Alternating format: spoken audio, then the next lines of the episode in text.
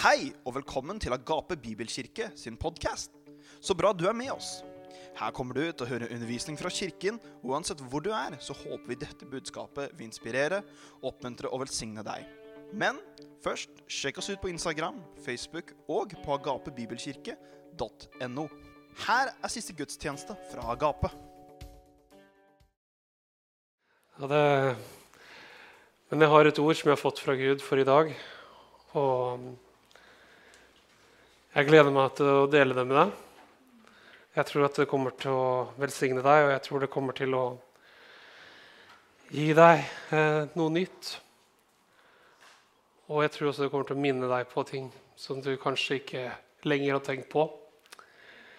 Vi er i en serie om autoritet, og sist søndag så starta vi på det. og Vi snakka nettopp om hva autoritet er.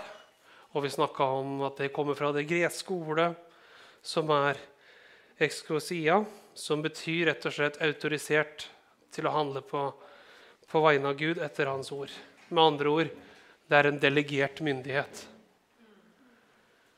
Dere kan tenke på det sånn at Hvis du har skrevet ut en fullmakt til noen Kanskje du har ikke kunnet gå på apoteket og hente medisiner, eller kanskje du ikke kunnet eh, signere på noen papirer eller slike ting.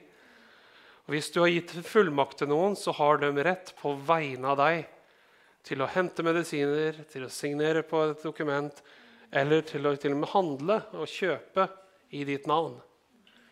På mange måter så er det det Jesus har gjort for oss. Du vet også at en naturlig fullmakt har sine begrensninger.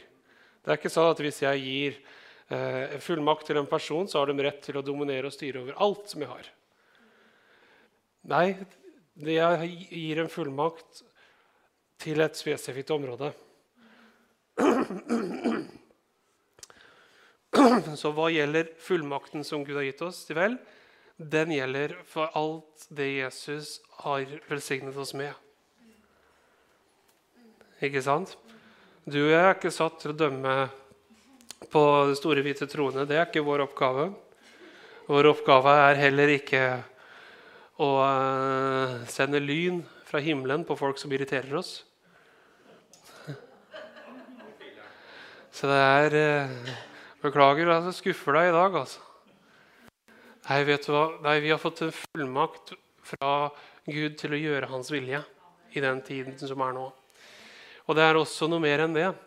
Det er fullmakt for å velsigne andre, men det er også en fullmakt for oss å tale velsignelse inn i våre liv og inn i våre familier.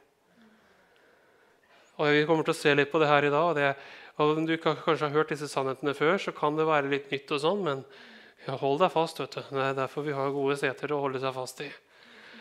Så, men jeg tror at Gud kommer til å tale til deg gjennom det her. Nå, hva det vil si for oss å ha en delegert myndighet, så snakker Vi om at vi hadde jo det på bildet sist uke at eh, hvis du tenker på en paraply og Jeg kan holde en paraply, og Laura kan komme under den paraplyen, og så slipper hun å bli våt pga. alt regnet. På samme måte så har du kommet under Jesu paraply, under hans beskyttelse. Og, Har du en familie, så kanskje du har barn som kommer løpende til deg, og du holder paraplyen, og barna kommer.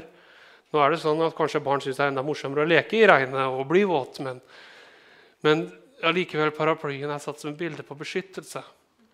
Beskytte fra det som kommer ned. På samme måte så har vi kommet under Guds beskyttelse. Akkurat som foreldre holder paraplyen over sine barn, så holder Jesus paraplyen over sin menighet. Og vi er under den beskyttelsen. Og det er fantastisk. Og det vil også si at vi er under hans autoritet. Og det at Jesus er herre i våre liv, det er vesentlig ved det. skjønner du. At når vi har blitt eh, frelst og kommet til tro på Han, så kommer vi under Hans herredømme. Og det som er den gode nyheten, at det er det beste stedet du og jeg kan være. Hvis du kan ta det nå, at vi kan se veldig forskjell på hva det vil si hvis et land har en god leder, og hvis et land har en dårlig leder. Og særlig ser vi det nå mer enn noen gang så er det veldig tydelig for alle å si hvilke, hvilke, land som ikke har så gode ledere. De er veldig tydelige, og hvilke land som har bedre ledere. Og nå snakker vi om autoritet og hvilken velsignelse det er. Og det som jeg har lyst til at vi kan komme til her i dag, det er det første jeg skal si nå. Altså Tittelen på dagens tale, Christer, første bilde, er at vi kommer fra seier.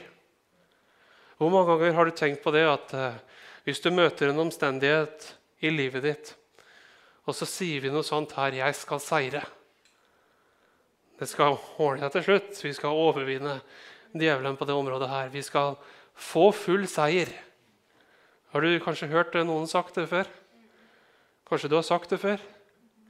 Jeg har til og med sagt det før. Men vet du hva Bibelen forteller oss? At vi kommer ikke til å seire. Vi kommer fra en seier. Og det er en veldig stor forskjell. Mange av dere er det som liker å se på Champions League her og fotball. Riste på huet. Da vet jeg hva jeg skal begynne å be for. Nei da.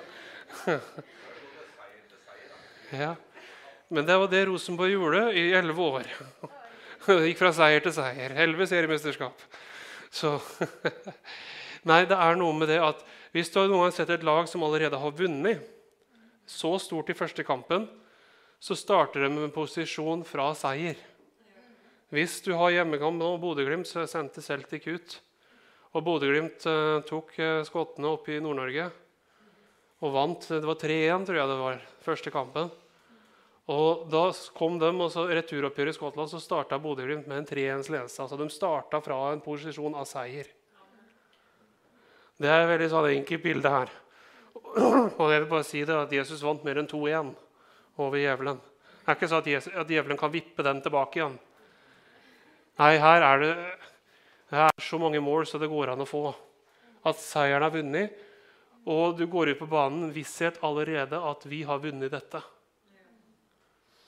Og samme måte, når vi som troende lever i dag, når vi går gjennom det livet her, så er det to perspektiv vi kan ha. Mange kristne går rundt og ser ut som de ligger under 5-0. Men sannheten er at vi kommer fra et perspektiv hvor vi leder 5-0. Vi leder 50-0, vi leder 100-0. Altså, du kan trekke det, altså, vi er i en posisjon av en seier som Jesus har vunnet for oss, som ikke vi kan tape. Henger du med? Jesus taper ikke. Hvis du leser i Bibelen, så ser du åssen det går. Han vinner. Han vant. Og det her er kanskje et nytt perspektiv for deg å tenke på. Og hvor mange ganger så er det så lett å tenke at nei, vi kommer til å seire. Vi kommer til å få oppleve en seier. Men hele tiden da så kan du ta det eksempelet her. Hvis du skal forsvare noe, så er det lettere å stå på toppen av et fjell og forsvare noe enn det er for å komme og prøve å ta et fjell fra bånn. Derfor er det så viktig dette perspektivet her. At vi er satt i en seiersposisjon. Så når noe kommer mot oss, så har vi en forsvarsposisjon, at vi har det øverste. Vi har det beste stedet å være. Det er ikke sånn at vi må prøve å innta ting hele tiden. Har du møtt noen av de kristne? Vi må innta ting hele tiden. Vi må ta det landet hele tiden. Og det var riktig for israelittene. De måtte ta Israels land, eller Kanans land, i eie. Men Jesus har vunnet en seier. Og nå sier jeg mange påstander. Du, tenker du, bevis det. Slapp av, kjære venn. Dette, vi skal gjennom Skriften og så skal vi se på disse tingene jeg sier her i dag. Men la oss gå til Kolossebrevet, kapittel 2, vers 11-15. Og jeg elsker disse versene å lese. Kolosserne 2, 11-15. Så er det Paulus som skriver dette kolossemenigheten. Så sier han i Han, i Kristus altså, ble også dere omskåret med en omskjærelse som ikke er gjort med hender, ved kjøttets syndelegeme ble avlagt ved Kristi omskjærelse. Altså, Det snakker om en omskjærelse som ikke er gjort på kroppen, men den er gjort i hjertet vårt. Det er det Paulus snakker om her. Det har skjedd på innsiden av vårt, i vårt indre. Det er ikke en fysisk omskjærelse. Så det er ikke sånn at vi har hjertekirurgi, hvis du lurer på det. Det er en åndelig omskjærelse som det snakkes om her. Så da står det da dere ble begravd med han i dåpen, og i dem ble dere også oppreist med han ved troen på Guds makt. Han som oppreiste Jesus, altså han fra de døde, dere som var døde i deres overtredelser og uomskårne kjøtt, har han gjort levende sammen med han. og han har tilgitt dere alle overtredelsene. Han slettet ut skyldbrevet som sto imot oss med bud, det som vitnet mot oss. Han tok det bort ved at han naglet det til korset. Han avvæpnet myndighetene og maktene, og han vanæret dem offentlig da han triumferte over dem på korset. Dette er skriftsteder som jeg kunne prekt hver søndag i et år, og vi hadde fortsatt ikke dekket alt. Men dette er helt fantastisk hva som skjer her. Det første jeg vil at vi skal se, er at Jesus det er i vers 15, har stått at han avvæpner maktene og myndighetene. Og, og, og, Det er det samme som vi får fra ondskapens ånd. altså Demonene og djevelen. Jesus avvæpner dem alle sammen. Og hvordan gjør han det? Har du noen tenkt på det? Tror du djevelen bærer skjold og spyd og sverd? og Kjører djevelen tanks? Nei, hva slags våpen er det djevelen hadde? Vers 14 svarer på det, hvis du blir med her og ser. Han slettet ut skyldbrevet som sto imot oss med bud, det som vitnet imot oss. Han tok det bort ved at han naglet det til korset. Ikke sant? Hva var det han, han uh, tok her? Han tok våre synder. Hva er det som har gitt djevelen makt over menneskeheten? Synden. Så hva er det Jesus gjør her?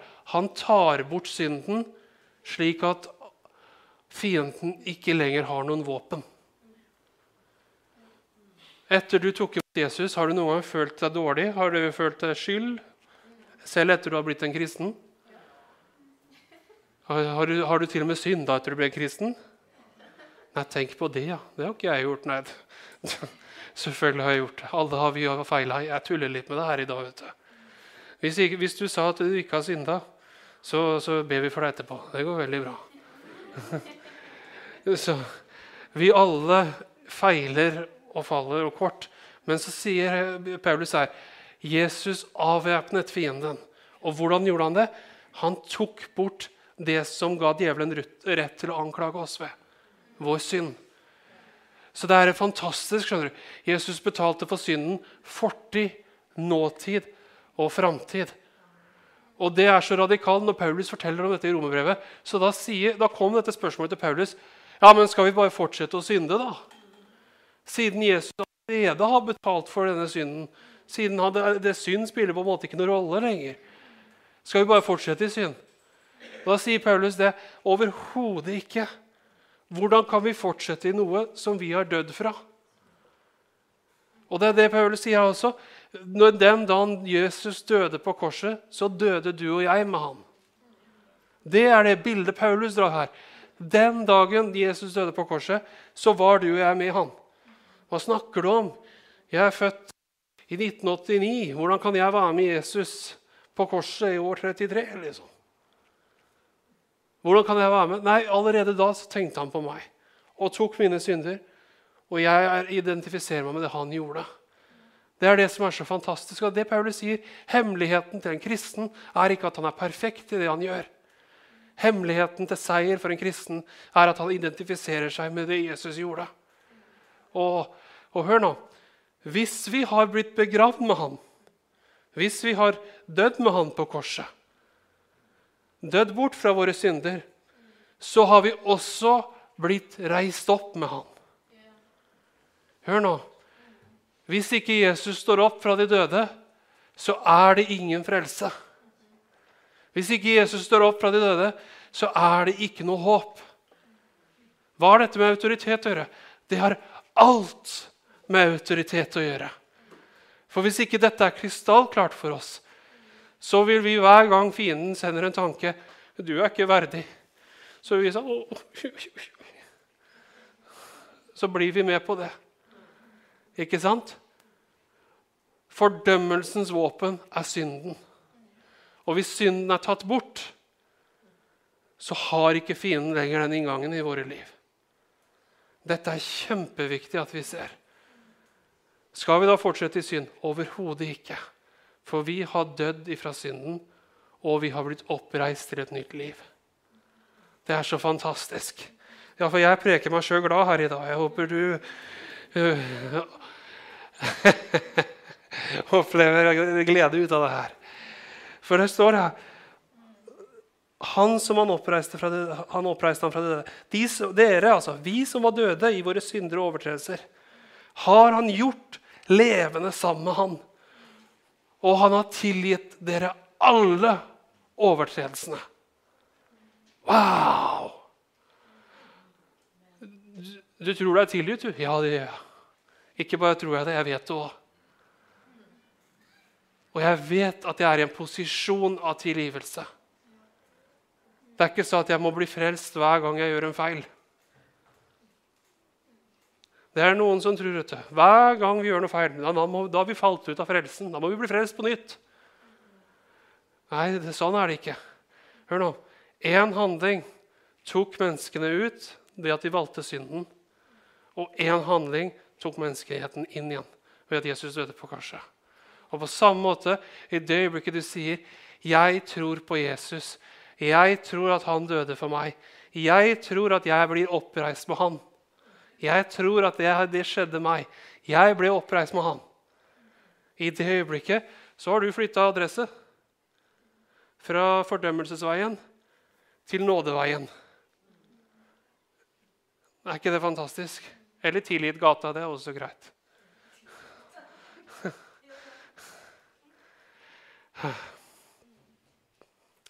Og det er ikke noe A eller B. Her har vi alle tilgitt. Så, ikke sant? Så det første vi snakker om, Han seirer og avvæpner fienden. Og så tar han med oss eh, i døden, men også i oppstandelsen. Vi er oppreist til et nytt liv. Den dagen du tok imot Jesus, så ble du en ny skapning. 2. Korinterne 5, 17. Derfor, om noen er i Kristus, så er han en ny skapning. Se, det gamle er forbi. Se, alt er blitt nytt. Wow! Du er en ny skapning. Du er en ny skapning. Ja, men jeg føler meg ikke som en ny skapning. Vet du hva? Hvis det var sånn at uh, du var sånn som meg, overvektig og litt svær, før du ble frelst, så fant jeg ut rett etterpå at jeg hadde ikke mista 20 kilo.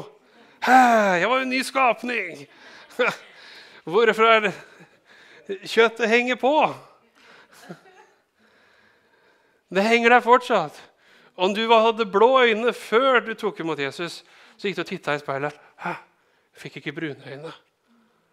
Hæ, fikk ikke grønne øyne. Men det er en ny skapning. Vi snakker ikke om det, vi snakker om det som skjer på innsiden av deg. Det som skjer på utsiden, kommer til å bli forandra. En dag så blir det forandra, skjønner du. Når da? Når Jesus kommer igjen. Så blir det forandra. Men hør nå. Han har gitt oss det her på forhånd, det som er det viktigste først. Det indre mennesket ditt, den du virkelig er. Du vet, du er ikke det her. Hm. Det er ikke sånn at uh, hvis du legger på deg, så blir det mer av deg. Det er ikke sånn at når døper Johannes sier 'han skal vokse, jeg skal avta', det er ikke sånn at Jesus skulle bli større i, i kjøttet, og Johannes skulle bli på slankekur. Det er ikke det som snakkes om her. Det snakkes om vårt indre her. Det snakkes om åndelige sannheter. Det er lov å smile og le i menigheten. Jeg kan ikke si sånn. Jo. jo da, det er lov å ha det litt moro. Vet du hvorfor det? For en som seirer, han er ikke lei seg. Han er glad. Hvem er seierherren? Det er Jesus. Men så står det Nå skal jeg lese skriftet til, jeg bare elsker det her. skjønner du. Dette er helt fantastisk. Det står i um, 2. Korinterne 2, 14-16. Så du har Kolosserne 2, og så har du 2. Korinterne 2. Så det er to og to og to. Her du med? Andre kapittel, det er, det er så herlig. Så står det i 2. Korinterne kapittel 2, vers 14-16. Men Gud være takk, som alltid leder oss triumferende i Kristus, og som ved oss gjør velduften av hans kunnskap kjent på ethvert sted. For vi er Kristi vellukt for blant dem som blir frelst, og blant dem som går fortapt. Og for dem som er fortapt, er vi dødens duft som fører til død. Men for den som blir frelst, er vi livets duft som fører til liv. Hvem er vel i stand til dette? Så her sier Paulus flere ting. Men det første han sier, takk Gud, han leder oss i alltid triumferende i Kristus. Det som står alltid triumferende, det bildet er hentet fra romertiden. For du skjønner det var sånn at når Cæsar gikk ut i krig, og romerske imperiet gikk ut i krig, så, så gikk de, de invaderte landet. De, de beseiret fienden. Men istedenfor å drepe kongen av det andre landet, vet du hva de gjorde for noe? De fanga han. De tok en levende. Og så tok de eh, generalene. De tok, eh, de tok folket som slaver. Og vet du hva de gjorde med dem? Istedenfor å sette dem til å jobbe der de var, så tok de dem med seg tilbake til Roma. Det som også var en vanlig praksis, det er ganske grotesk. Men det de mange ganger gjorde, var at de tok ut øya på kongen for at han skulle være blind. Så satte de han på en sånn vogn, og så førte de han, og så lenka de alle generalene, familiemedlemmer, folket, og satte dem med lenker og festa dem til vogna bak. Og så gikk de i et tog etter og marsjerte til Roma. Og når de kom til Roma, så ble det holdt en, sånn en stor seiersparade hvor alle romerske soldatene marsjerte inn. Og så blåste de i ballongen og sa nå kommer Se her, vi er seira. Det er det som forteller her, så Når Paulus bruker dette bildet, her, så er det noe som alle i verden kjenner til. Altså som bor under den romerske verden. Husk det her. Jesus kommer inn i et, i et Israel som er under den romerske verden. Og han dør på et romersk kors. Det her er så viktig at vi ser. Det er verden da. Det er Romerriket. Og hver gang keiseren gikk eh, i en sånn triumfparade, så hadde de en sånn, en sånn krone fletta av løvblad så de holdt over hodet hans. Og han red i en vogn med, med hvite hester foran. Og vet du hvorfor det? For det symboliserte 'Jeg er seierherre'. Og Han kom seirende inn, og folket jubla og ropte. Og de vifta med grener, palmegrener og sånn. Det er ganske, Her ser du symbolikken. skjønner du. Som er henta. Han vifter, blir vifta og hilsa når han kommer inn. Og etterpå så kommer han der, kongen fra det andre landet, og den fører han inn foran tronen til keiseren i Roma. Og så går keiseren opp og setter seg på tronen med familien sin, med senatorene, med alt som er av Romerriket som sitter og følger med. Foran tronen. Og vet du hva som skjer? Rett foran der så tar de livet av kongen. Foran alle disse eh, fangene som følger med, og de ser at keiseren deres, eller kongen deres blir henretta. Og så ser de at det er en trone, og det er en annen som sitter på den tronen enn kongen de kjente. Det er en ganske brutalt og barbarisk måte å gjøre det på. Men så sier Paulus det her var det det Jesus gjorde med djevelen. Han gikk inn. Han tok fra han våpna, han tok fra han makten. Han lenka han. Og han kledde han og vanæret han og viste han åpenlyste skue.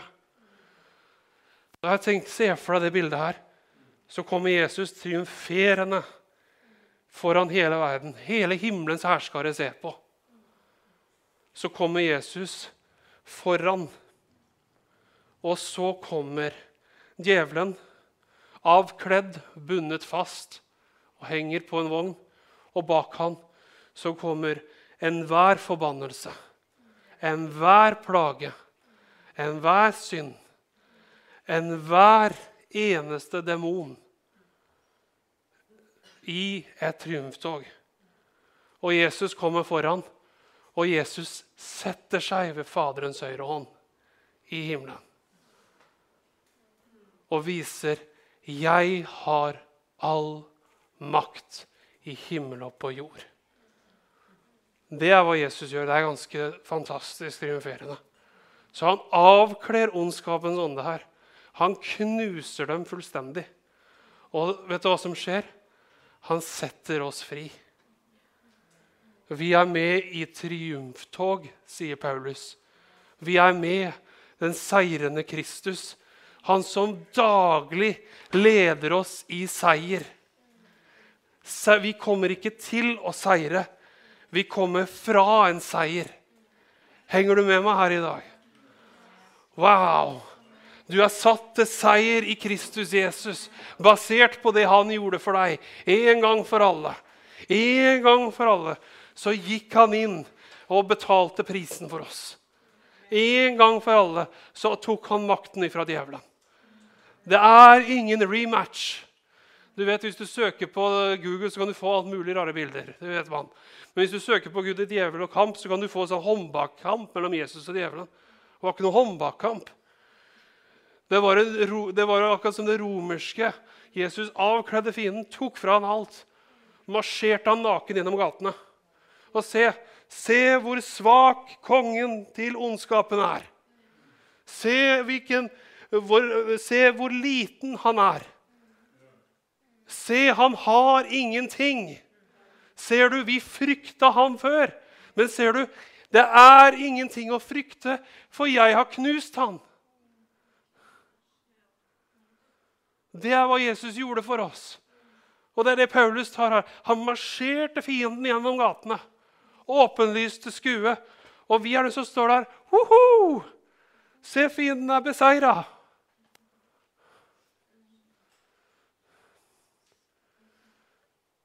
Wow. Og det leder oss til det her. At han har fått navnet over alle navn. For det er ingen andre navn som er større. I Filipperne 2 eh, Vi går til kapittel 2 igjen. Det er bra. Hvis du husker det, da. Kapittel 2. Kolosserne, 2. Korinterbrev, kapittel 2, og Filipperne, kapittel 2. Vi skulle bare kalt del 2. Denne delen her kan være autoritet del 2. Så men i, andre, nei, Filippebrevet 2, vers 9-11, så står det Derfor har eh, også Gud opphøyet han, altså hvem? Jesus, og gitt han navnet som er over ethvert navn, for at i Jesu navn skal hvert kne bøye seg. Deres eh, som er i den himmelske verden, deres som er på jorden, og deres som er under jorden, og for at hver tunge skal bekjenne at Jesus Kristus er Herre til Gud Faders ære. Tenk det her rett ute i triumftoget. Derfor har han gitt ham navnet som er over ethvert navn. Og nå kommer det noe som også er veldig spesielt. skjønner du. I det romerske verden så var navnet Cæsar ikke bare lenger et navn. Det var en tittel som man bar. Det er veldig spesielt. Så hvis du var fremragende, hvis du var den største av de største, både i romertiden, men også etter romertiden, så ga man tittelen Cæsar. Og det var navnet som var over alt annet i Romerriket. Og her sier Paulus det er ett navn som er større enn Cæsar. Det er navnet over alle navn. Ikke bare på det jorden her, men hans navn er i himmelen. Han er overalt. Han er på jorden, men også under jorden. Der djevelen og åndskapens ånde her er beseiret. Så Jesus er en triumferende konge som har navnet over alle navn. Og så forteller han hvert kne må bøye seg for det navnet. Hvert eneste en. Hver eneste en må bekjenne at Jesus Kristus er Herre til Gud Faders ære. Wow. Jesus, visste du at han ber oss bruke hans navn? Har du hørt det før? Før han går opp på korset, før han gjør det han skal gjøre, så sier han til apostlene bruk mitt navn. For eksempel, nå kommer jeg til å sitere mange skriftsteder. Du kommer ikke til å rekke å henge med. Eh, du kan jo se da, hvor raskt du er. Men Matteus 18, 20, så står det For hvor to eller tre er samlet i mitt navn, der er jeg midt iblant dem. Johannes 14, 13-14. Hva som helst dere ber om i mitt navn, skal jeg gjøre, så min far blir herliggjort i Sønnen. Og dersom dere ber om noe i mitt navn, så skal jeg gjøre det. Matteus 9, 41. For den som gir et glass vann å drikke i mitt navn, fordi dere tilhører Kristus. Sannelig sier dere, skal slett ikke miste sin lønn. Markus 16, 17. Disse tegn skal følge dem som tror. I mitt navn så skal de drive ut demoner. De skal tale med nye tunger. Johannes 14, 26. Men talsmannen Helligånd, som Far vil sende i mitt navn, han skal lære dere alle ting og minne dere om alt jeg har sagt dere. Markus 9, 37. Da er den som tar imot en av disse små barna i mitt navn, tar imot meg. Og hver den som tar imot meg, tar ikke bare imot meg, men han som har sendt meg. Det er så mange ulike referanser til mitt navn. Om det er å, å, å, drive ut noe, om det er å ta imot noen, om det er å gjøre noe, om det er å be noe. Så sier Jesus i mitt navn. Og Paulus sier det. Hva dere enn gjør i ord og gjerning, gjør det i Jesu navn. Hvorfor? For det finnes ikke noe annet navn, sier Peter, som vi kan bli frelst ved. Det er ett navn som er høyere enn noe annet navn. Det er ett navn som gjør at fienden skjelver når han hører det. Det er navnet Jesus. Ja, jeg preker meg sjøl veldig glad her i dag. Og det navnet ga han til sin menighet. Hvem er menigheten? Så hvem ga han navnet til? Yes. Og hør nå om vi ber, om vi gjør noe, om vi driver ut noe, om vi tar imot noen Hva vi enn gjør, gjør det i Jesu navn. Og det leder oss til at vi kan bruke det navnet med Guds ord, i Guds vilje. Og vi kan bruke det i vårt eget liv. Vi kan bruke det i vår familie. Vi kan bruke det i enighet med andre. Hør nå, Jeg kan ikke bruke det over å si f.eks. at uh, nå må den og den personen bli sånn i Jesu navn. Nei, vet du hvorfor det? For vi har fri vilje. Og Jesus han sier det at vi skal sjøl velge han. Vi kan ikke kontrollere. Men det navnet har kraft over enhver ting som fienden vil gjøre. Så når fienden prøver å komme imot deg med ting, om det er plan om det er uh, onde ting, om det er ondskap, sykdom, fattigdom, død, nød Alt det her som, vil, som kommer av forbannelsen, så er vi satt fri ifra dette. Og jeg vet at dette kan være veldig Åh! for noen av dere. Men hør til frihet har Kristus frigjort oss. Jeg skal vise deg det. Er du klar? Snu til sidemannen og si, 'Er du klar?' Er du klar? Er du klar? Så det er sånn her, vet du, så var det ikke sånn Kjære venner, er dere klare? Nå skal vi marsjere til Gallia. Det var ikke det sånn. Han sa Are you ready?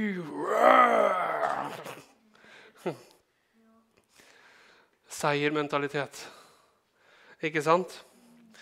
Nå har jeg lyst til å vise dere et annet ord på gresk. Henger dere med? Går det bra? Så bra. Ok, vi skal gå til eh, et skriftsted her, Johannes 8, 32. Så snakker Jesus om at du skal kjenne sannheten, og sannheten skal sette deg fri. Det ordet kommer fra på gresk er elofero. Jeg, sannsynligvis uttaler det ikke riktig, for jeg er ikke greker. Men det ordet sette fri' kommer fra det ordet eleothero. Vi finner det også mange andre steder, f.eks. også i Johannes 8,36, som er bare noen vers senere. Så sier også Jesus hvis Sønnen gjør deg fri, da er du virkelig fri. Og for eksempel, Når Jesus setter folk fri, så er det det samme ordet som kommer opp. Elothero. Det dukker opp mange steder. Så sier, Det snakker om bli, du skal bli fri. Hvis Sønnen setter deg fri. Det har noe med det som skal skje. Ikke sant? Ganske fantastisk. Men så kommer det så I Romerne 8,2 så skriver Paulus Det er her vi kan lese det. For livets åndslov har i Kristus Jesus gjort meg fri fra synden og dødens lov. Her kommer det 'gjort meg fri'. Det ordet er 'eloferos'. Det er lagt på en S, men det er det samme ordet. Det er bare bøyd litt. Så det er det samme som Jesus sier her. Det skal bli fri. Så sier Paulus nå har vi blitt fri. F.eks. i Galaterne 5.1, et av de skriftstedene jeg virkelig elsker å lese her. Til frihet, eller stå fast i den frihet som Kristus har frigjort oss til. Eller en annen sier til frihet har Kristus frigjort oss. La dere ikke nok en gang bli bundet under slaveåket. Med andre ord, fall ikke under de tingene dere falt under før. Om det er avhengighet, om det er plager, om det er ting som kom imot deg. Fall ikke nok en gang under det. Hvorfor? For til frihet har Kristus frigjort deg. Så det vil si, hva er forskjellen her? Vi har autoritet til å ikke falle under det samme. Det er det vi snakker om vårt eget liv. Vi har fått hans navn. Så når det samme tingene, om det har vært avhengighet, om det er ting som har bundet deg opp, om det er fordømmelse vet du hva, Når det kommer imot deg igjen ah, ah, ah, ah. No trespassing. Det er ikke noe lov å komme her. I navnet Jesus er jeg satt fri. Til frihet har Kristus frigjort meg. Vi kan gjøre akkurat som Jesus gjorde da han gikk ut i ødemarken og fienden kom og friste han. Så sier Jesus, svarer Hver gang fienden kommer med noe, så svarer Jesus om med Guds ord. Og til slutt så sier Jesus, 'Bort med deg, Satan'. Og Noen ganger så er det greit å si det. 'Bort med deg'. Du har ikke noe med meg å gjøre. Fordi til frihet har Kristus frigjort meg. I Romerne 6,18 eh, kan vi lese først. Etter at dere ble satt fri fra synden, ble dere tjenere for rettferdigheten. Samme ordet relaterer oss. Vi ble satt fri fra synden. Det har skjedd. Og da er vi nå tjenere for rettferdigheten. Og i vers 22.: Men siden dere nå er satt fri Elotheros, fra synden og er tjenere for Gud, høster dere frukt som fører til helliggjørelse og mål av evig liv. Det samme her. Paulus sier dere har blitt satt fri. Hvem er det som har blitt satt fri? Enhver som har bekjent at Jesus er Herre, kommer inn i denne friheten. Wow! Ja, men det er ikke sånn jeg opplever det, det er ikke sånn jeg erfarer det. Og det er her Gud ønsker at vi skal se hva han har gjort for oss. Og her er jeg òg under denne vandringen. Gud, la meg forstå hva du virkelig har gjort for meg. La meg forstå hvilken frihet du har satt meg i. La meg forstå hvilken kraft det er i navnet Jesus. Og la meg forstå at du har gitt meg tillit til å bruke det navnet. Wow! Men dette er hva Jesus har gjort for oss. Alt annet enn det her er å underselge hva han har gjort. Og jeg har fortsatt underselger det sikkert. Det er ikke en overdrivelse hva jeg driver med her i dag. Nei, det kan ikke være så bra. Nei, det er bedre.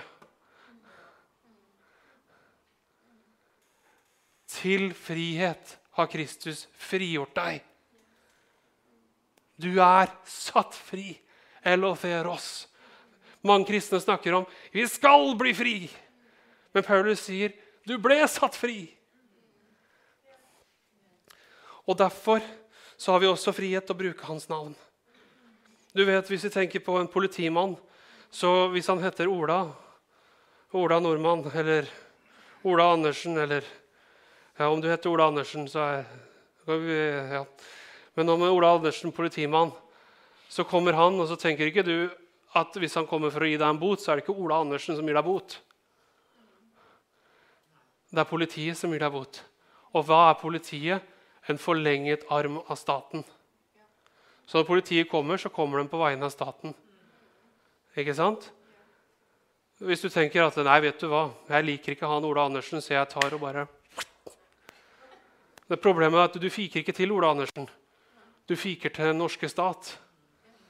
Og den kommer ned på deg med all tyngde, autoritet og kraft den har. Den setter deg i buret om han må. Så det er ikke mellom deg og Ola. På samme måte når en kristen kommer med navnet Jesus, og de fiker til deg, så er det Jesus. Forfølger de deg, forfølger de meg, sier Jesus. Gjør de noe ondt mot deg, så gjør de det mot meg. Sånn det er samme identifikasjon som Jesus gjør med oss. Det er ikke bare at vi kan identifisere oss med hva han har gjort for oss, men Jesus identifiserte seg med hva vi gikk igjennom, og hva vi går gjennom, og hva vi skal gå gjennom. Så det er en toveis, fantastisk byttehandel her. Det er ikke bare sånn at vi kan bare slippe alt vi har, og hoppe på Jesus, for det kan vi. Og han gjør det. Men Jesus går enda lengre. Han sier det er ikke bare sånn at du kan stikke av fra det her. Nå går jeg inn og rydder opp det her. Så når fienden angriper deg, altså når djevelen kommer og anklager deg og plager deg, så er det akkurat det Jesus har tatt et oppgjør med. Det er den seieren du er satt fri til. Så Derfor kan du si i Jesu navn bort med deg, Satan. Du har ikke noe med meg å gjøre. Du trenger ikke å selv om det kanskje hjelper deg å bli litt mer inspirert når du gjør det. Men kraften er ikke Kraften er i navnet. Kraften er i hva Jesus har gjort.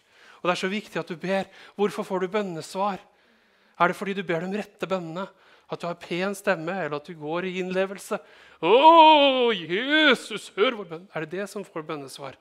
Nei. Er det at du folder hendene? Er det at du kneler?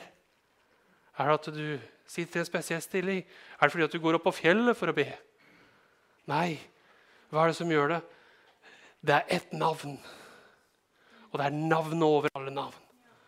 Og i navnet Jesus må hvert kne bøye seg. I himmelen, på jorden og under jorden. For at alle skal vite at Jesus er Herre. Og det er Gud Faders ære. Wow. og vi kan ha det i vårt liv. Vi kan ta ting vekk over våre barn. Du som foreldre kan si vet du hva, det der finner jeg meg ikke i, for de står under deg. I Jesu navn, slutt å plage barna mine. De får ikke gå på den veien. Jeg er et resultat av det. Jeg var på fyllefest, og Gud møtte meg mektig. Og Gud brukte moren min og sa i Jesu navn, Satan, ta hendene dine bort. Moren min brukte sin autoritet til Kristus. Og i det øyeblikket så ble jeg edru.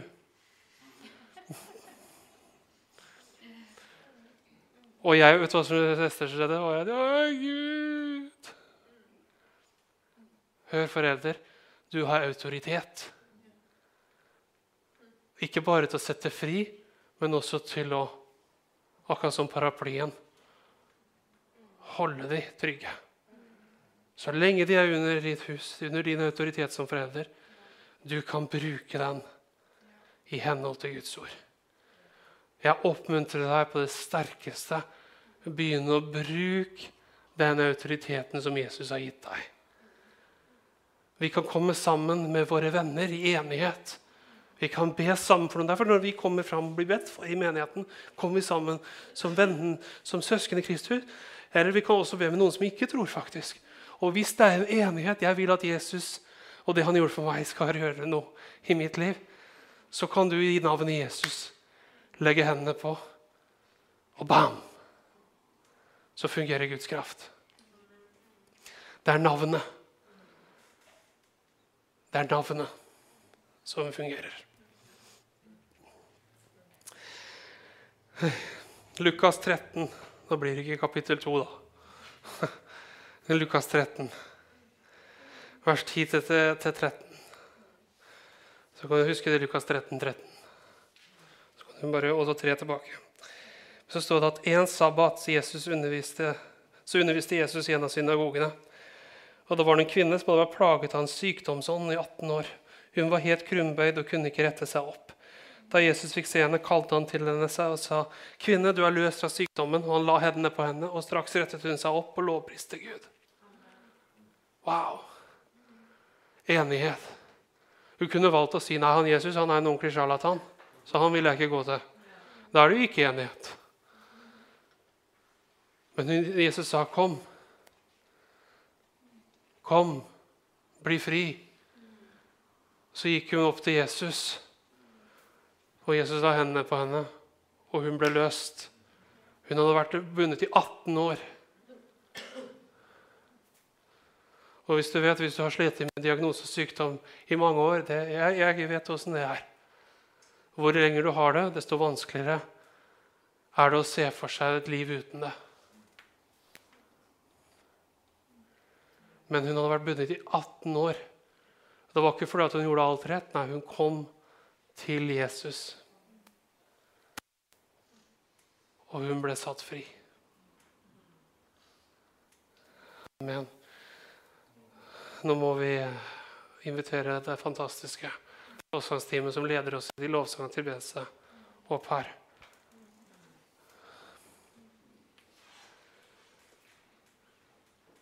Til frihet har Kristus frigjort deg. Ikke en dag, men i dag er frelsens dag. I dag er nådens dag. Du skjønner det er noe med troen. Håpet sier en dag så skal det bli sånn. Og håp er bra. Jeg elsker håp. Håp har en funksjon, og det er veldig viktig. Troen bygger på håp. Men håp snakker om det som skal skje. Tro er nå. Troen er nå. Og uansett, husk tro, håp og kjærlighet. Størst av dem er kjærligheten, og det er agapekjærligheten som Gud elsker oss ubetinget med. Hvorfor gjorde Jesus det han gjorde? Fordi han elsker deg. For så høyt har Gud elsket verden at han ga sin sønn den enbårne. For at hver den som tror på ham, ikke skal gå fortapt, men ha evig liv.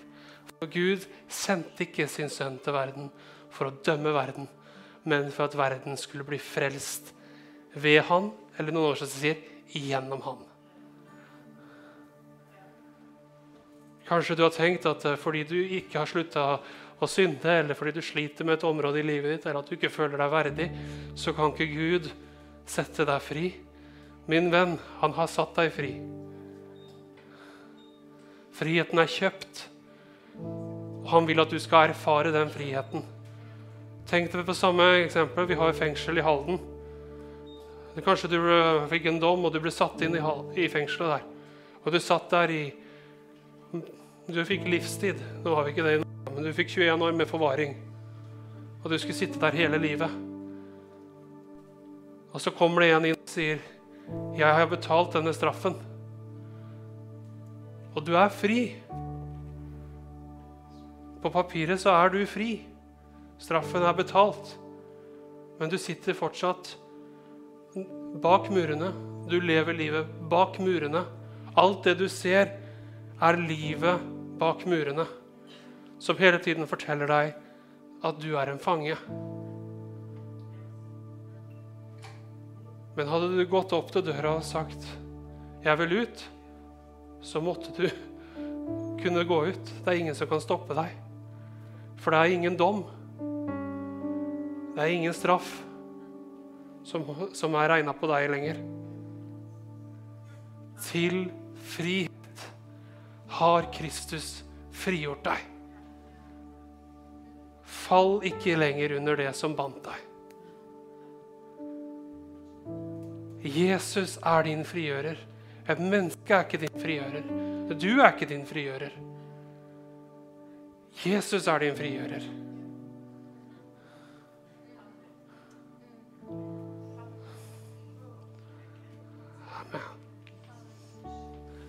Far, vi ærer deg, og vi priser deg.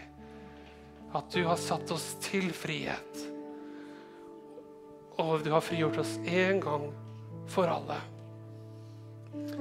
I dag så takker jeg deg, far, at, derfor, at vi Du ser områdene i livene våre, og at i dag så kan vi gå ut av fengselsporten som du satte oss fri fra for 2000 år siden. At i dag så kan vi gå ut døra, og vi kan se hvordan det virkelig er å være fri. Takk, Jesus. Du betalte for alt. Fortid, nåtid, framtid. Takk at det er ikke sverd eller nød, ingen plage. Ingenting kan skille oss fra Kristi kjærlighet. Takk, Jesus. Takk at du har satt oss fri, og at navnet Jesus er over ethvert eneste navn. Takk, Herre.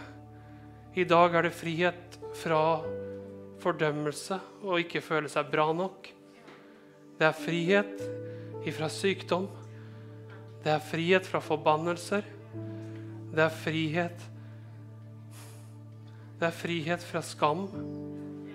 Det er frihet fra avhengigheter. Det er frihet fra alkohol, fra rus, fra pornografi, fra overspising, fra dårlige ting som ødelegger og hindrer oss. Du har satt oss fri ifra alle disse tingene. Til frihet har du frigjort oss. Og jeg takker deg for det, far, at det er du som er vår frigjører. Ja, jeg priser deg for det. Takk, Jesus. For de som ser på gjennom YouTube i dag. Til frihet har Kristus frigjort deg. Fall ikke lenger under de tingene som bandt deg før. I dag så sier han, du er fri. For det har skjedd. Han har betalt det. Han har gjort det. Takk, Jesus. Takk, Herre. Tusen takk for at du var med oss i dag. Vi vil gjerne høre fra deg og vite hvordan vi kan be for deg. Ta kontakt med oss enten via sosiale medier eller på nettsidene våre, så håper vi at vi ses ganske snart.